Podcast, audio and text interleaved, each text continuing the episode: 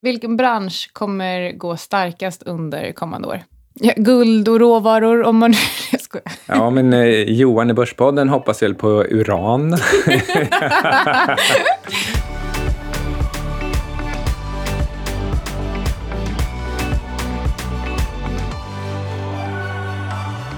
Hej och skål Sverige! Jag tror att eh, Sverige, jag menar våra lyssnare, jag tror att Sverige precis vann en fotbollsmatch mot eh, något land, det var inte Tyskland. Du lyssnar på Outsiders med Syding och Svan. Hej. Jag satt och åt eh, lunch och så hörde jag av mig till några kompisar och frågade om de hade någonting för sig. Och det var ingen som kom för att det är ingen som tycker om det, för du har ingen kompisar. jag svaret Tex-Mex, nej, Svemex. Och jag tänkte så här, sitter de på någon Tex-Mex? Och så bara Svemex, tycker Så de att det är gick, då gick svennebanan? Micke, och då gick Micke till sitt favoritställe Wookhouse och bara, det måste vara en synonym till det. Regeringsgatan 26 i Stockholm, mitt emot Gallerian.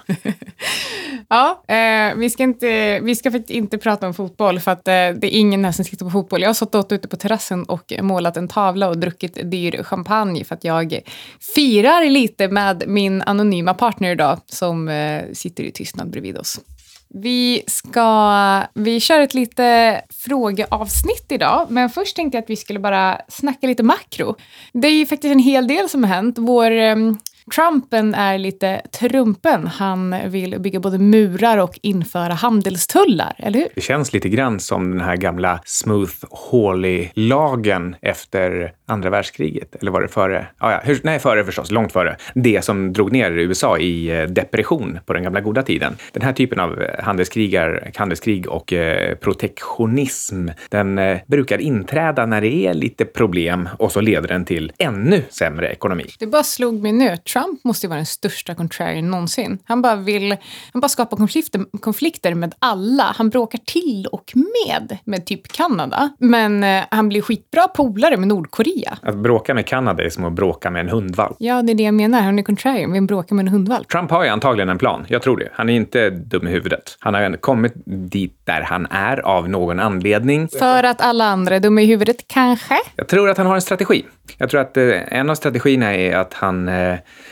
vräker dynga över sociala medier på ett sätt som gör att eh, ehm, när han väl säger någonting på riktigt så reagerar man inte. Men någon som har reagerat är ju Kina och eh, de befinner sig nu i en konstate- konstaterad bear market. Bear market? Beer market? Jag skulle wish. kunna tro att du är Johnny i Börspodden. Ja, nästan. Eh, Fair value.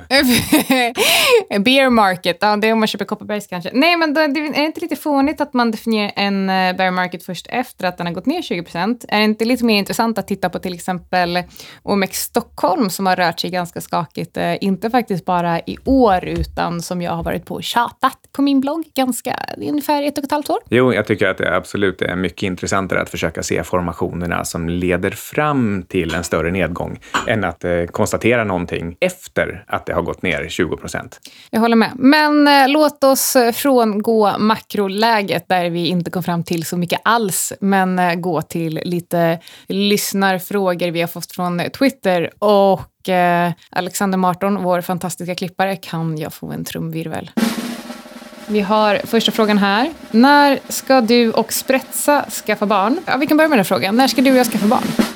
Aldrig är väl själva huvudplanen. Alltså, grejen är att vi tycker faktiskt om varandra, vilket innebär att vi faktiskt vill spendera tid med varandra och inte ha... Vi, vi känner inte riktigt att vi behöver skylla på någonting för att behöva vara tillsammans. Så att just nu är planen nej. Grymt bra svar. Ehm, Och vill man eh, på något sätt eh, få in det här i någon typ av intervall. Så eh, du är ju redan 26 och man kan väl tänka sig att efter 46 är väl inte riktigt rimligt om det inte blir stora medicinska framsteg att, att skaffa barn den naturliga vägen. Så att någon gång mellan 0 och 20 år eller aldrig är väl ett bra svar. Jag tycker att det låter eh, ganska rimligt. Och eh, sen är det någon som undrar om du kan tänka dig att förvalta pengar igen. Ja, det kan jag tänka mig, men det är verkligen inget eh, Du förvaltar ju huvudspår. inte ens dina egna. Nej, men om någon frågar fråga, kan du tänka dig, skulle det kunna vara möjligt att någonting skulle kunna hända? Och så tänker man på kvantmekanikens lagar och så, ja. Han undrar också om man som duktig typ mini futures trader skulle kunna få anställd på en hedgefond om man har ett bra track record. Jag skulle nog, jag, alltså du får svara på frågan, men jag tror att eh, Vänta, det jag krävs tänkte, mer så. tänkte återvända till den förra frågan och bara säga det här med, ja, det är möjligt att jag kan tänka mig att förvalta pengar, men då måste man ställa den sannolikheten i perspektiv. Du vill egentligen, du kan tänka dig att skaffa ett jobb igen om vi skaffar barn. Är det möjligt att Gud finns? Ja, någonstans liksom i den hundrade decimalen bortom kvantmekanikens ekvationer. There can be no existence without non-existence. Du kan vara Tau. Okej, men sen var det någon som hade ett grymt track record som undrar om man kan bli förvaltare. Var det så? Eller få jobb som... Trader på en hedgefond. Hmm, nej, det funkar inte så, eh, tror jag, tyvärr. Om man ska vara riktigt ärlig. Eh, då, då måste man istället först bygga en förmögenhet. Eller ja, det är klart, då, det har han ju då redan eftersom han har ett grymt track Men record. o- om man, är, om man har en skitbra... Hen, hen, Ja, hen. men okej. Men om, om man har en skitbra idé. Mem.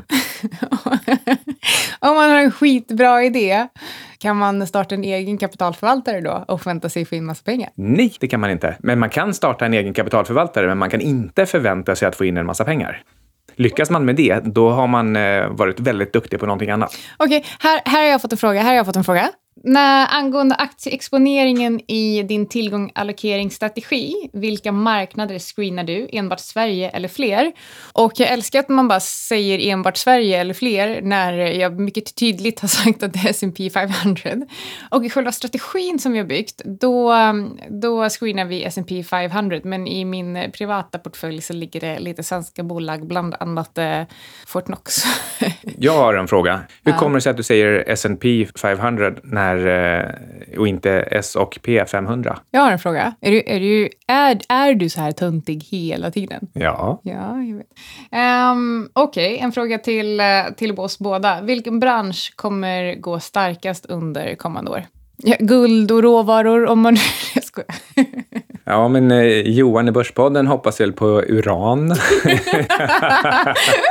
Nej, men på riktigt, vilken bransch? alltså vilken eh, av de här eh, lite, lite konstlat indelade branscherna i till exempel eh, S&P? Ja, eh, så alltså vi, får, vi får alltså inte titta på andra tillgångslag här. Jag vet inte, jag ger upp. Jag, pucken är din. Nej, alltså, men jag måste, jag skulle behöva en lista framför mig. Men jag, jag skulle väl liksom på något sätt ändå kunna tänka mig att någonting som har med... Men de har nog någon som heter Staples. Men den är antagligen redan svindyr. Men, men eh, jag skulle nog ändå satsa på Staples. Jag skulle, jag skulle börja från andra hållet. Jag skulle säga så här.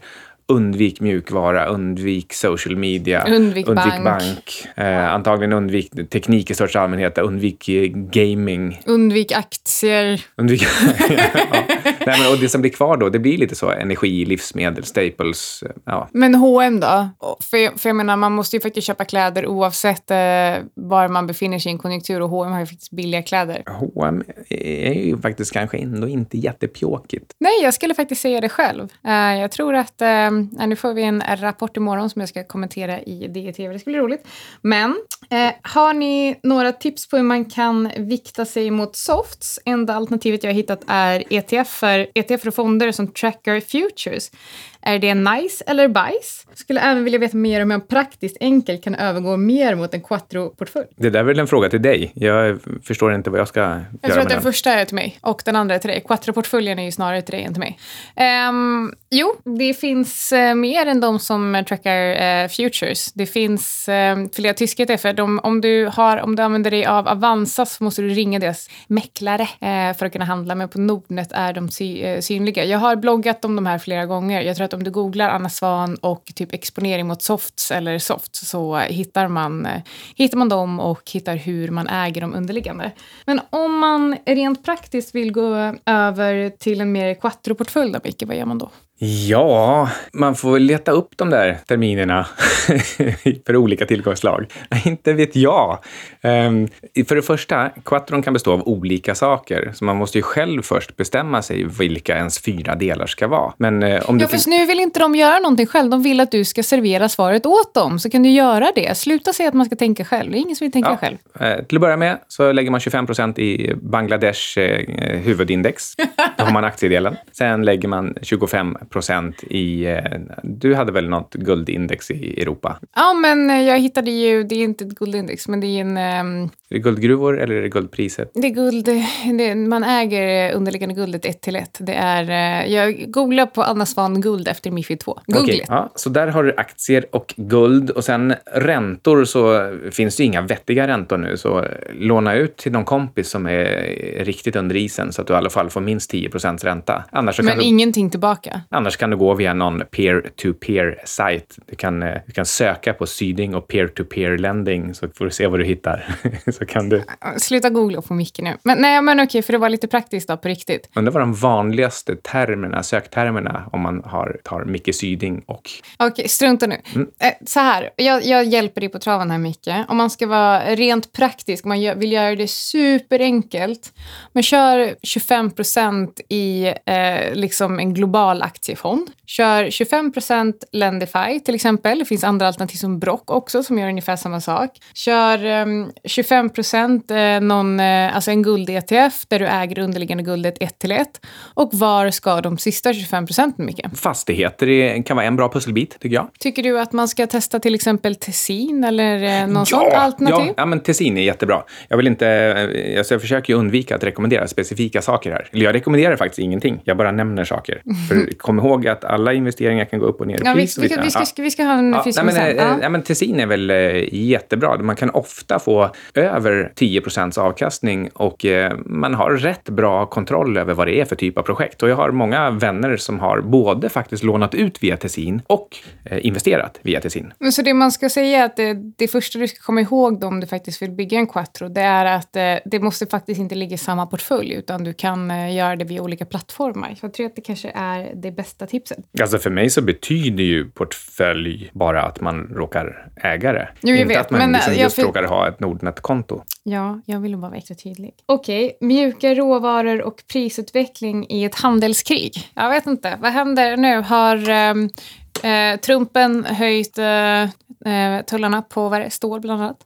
Vad händer om Kina höjer tullarna på ris? Ja, men det här blir väl lite komplicerat. Vad blir värdet för dig som har investerat i terminerna? Jag vet inte. Nej, det är, det är faktiskt jättesvårt. Alltså, grejen är att det, det, de här handelstullarna som finns idag, de spelar egentligen ingen, ingen roll för priset på råvaror. Men skulle vi se, eh, skulle vi liksom, skulle Kina införa, jag vet inte, det, går liksom, det finns inte riktigt någon korrelation så man kan inte dra någon slutsats på det där. Men jag tror att om man bara går tillbaka till någon del av fundamenten här så alla typer av handelshinder och ökad friktion borde göra att eh, det blir lite mindre lättillgängligt med de här råvarorna. Och så därmed mindre så borde tillgång? Pris, ja, så priset borde gå upp. Så även om efterfrågan är densamma så minskar tillgången och därmed höjs priset? Mm, jag tror att det, det, det, det känns ja, det, som att det, borde känns, vara så. Ja, men mm. precis. Men, eh, men handelskriget i sig, det skulle vara om Kina då svarar med att införa till exempel tullar på, eh, på råvaror som de har.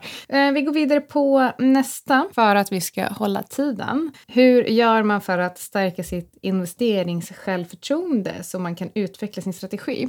Här vill jag faktiskt börja. För Cygnus, som eh, min eh, tillgång allokeringsstrategi, eh, det började faktiskt med att jag eh, för snart två år sedan satt och tittade på grafer där jag jämförde aktier och softs. Jag kollade på en ganska kort graf och så insåg jag att hmm, aktier är jättedyra och softs är jättebilliga just nu. Hur har det sett ut historiskt? Och från att det här var liksom någon form av idé och jag visste liksom inte riktigt vad jag skulle göra med den och jag tänkte också flera gånger jag har inte tillräckligt mycket kunskap för att kunna göra någonting. Så jag, eh, jag googlade och sökte efter egentligen allokering investeringsfonder för att se om jag kunde, om jag kunde placera mina pengar där ett proffs gjorde allokerade med det här. Och när jag insåg att det finns faktiskt inte, då tänkte jag först, ja men då måste jag ha fel.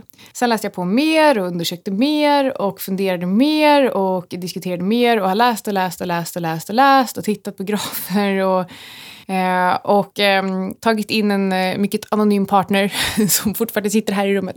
Och ehm, vi har tillsammans byggt eh, vad vi kallar för Cygnus. Och eh, med det här skulle jag vilja säga, hur kan man göra för att stärka sitt investeringssjälvförtroende så att man utvecklar sin strategi? Steg ett, ha en idé. Steg två, om det är ingen annan som någonsin haft den här idén så betyder det inte att du har fel.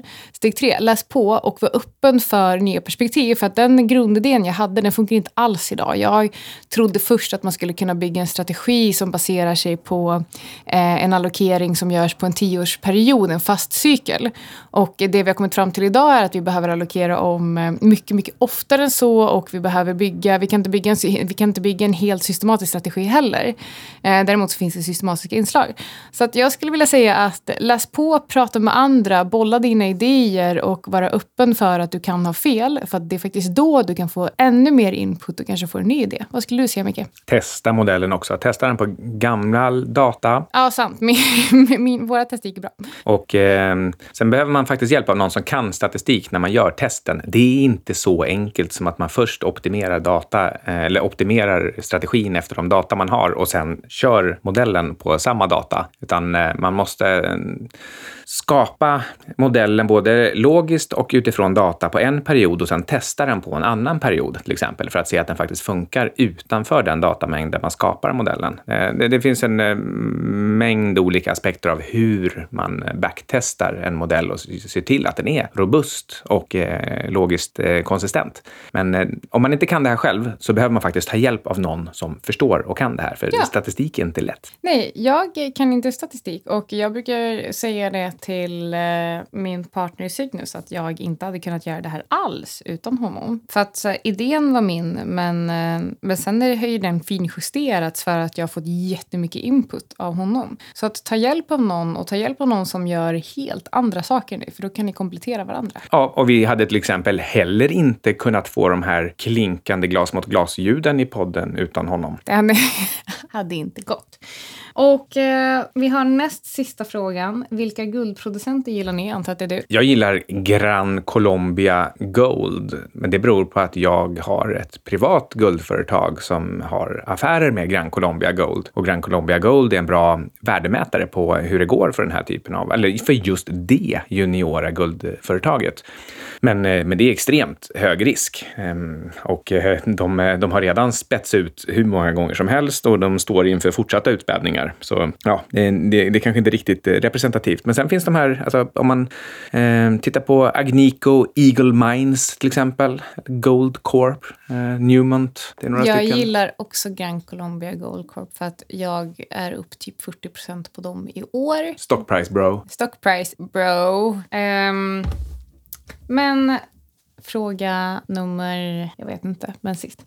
Investeringsklockan, vad står den på nu och hur ska man agera? Jag skulle säga att eh, om jag höftar så står den på eh, 1157. Jag har aldrig hört begreppet förut, men jag misstänker att det är som the doomsday, doomsday clock.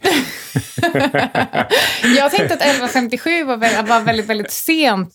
Ja, så det är precis innan det liksom vänder ner alltså? Ja. Um, så jag hade en tanke. Så till exempel minutvisaren och eller timvisaren, de rör sig uppåt till tolvan och sen rör de sig neråt. Nej, i så fall såg vi nog på 12.01. Eller, ja, men det är precis.